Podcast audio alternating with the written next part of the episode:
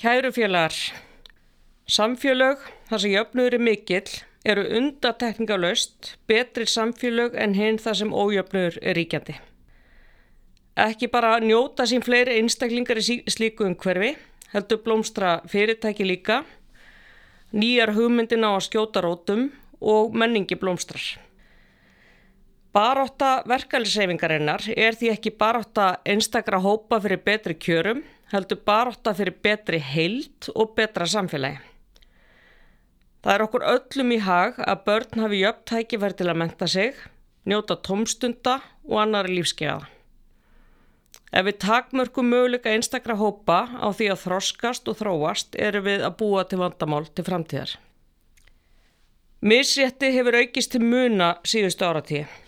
Framlegin í heiminum hefur þrefaldast á síðustu 20 árum en þessi auður hefur ekki skilað sér til vinnandi fólks í gegnum laun eða bætta einviði.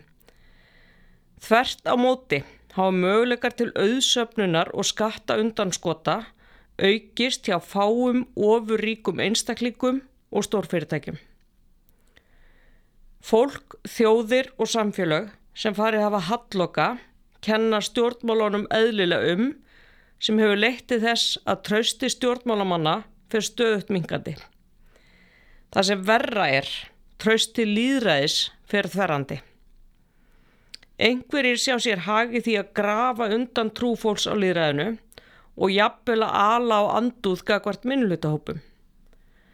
En það er gömulsag og ný að til hann á völdum er minnlutahópum stundum allt saman eins og til dæmis öryrkjum og inflytjandum eða lálunafólki og eldriborgurum.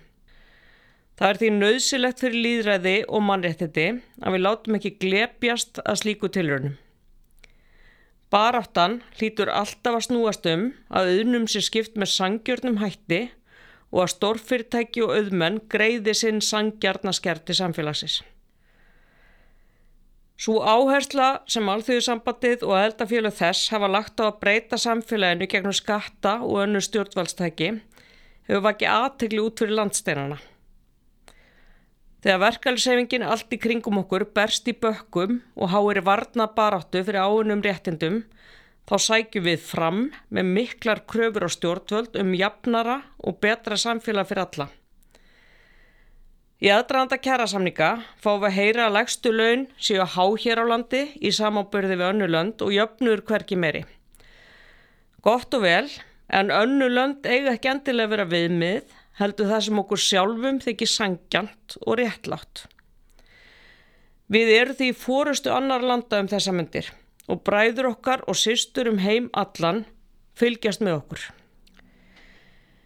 Það er styrkur íslenskar verkefælsefingar að félagsæðild í stjættafélögum er almenn en stjættafélögin eru líka fullvalda um sín málefni.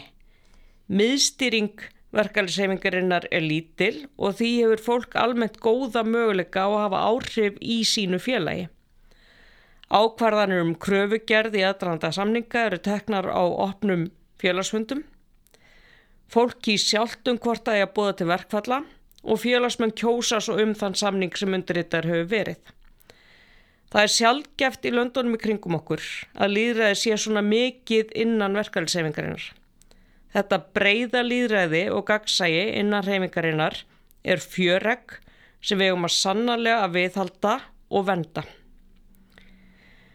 Reyfingi þarf eins og að líka að þróast í taktu tíðrandan og framöndan eru risa vaksnar áskoranir vinnumarkaðurinn er að breytast.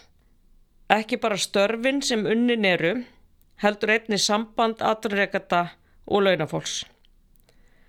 Fólk er í sívaksandi mæli ráði í verkefnavinnu, jafnvel hjá stórfyrirtækjum þar sem aðstu yfirmenn eru ósýnleir og verkefnin er hægt að vinna hvar sem er í heiminum.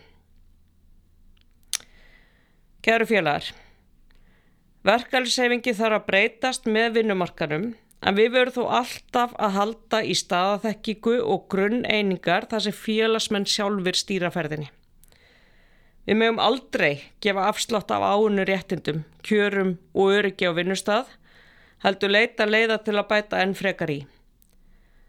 Það eru stór verkefni sem býð okkar, en verkefnisefingin á Íslandi er vel skipluð grásróta hreyfing og tilbúin í það sem koma skall.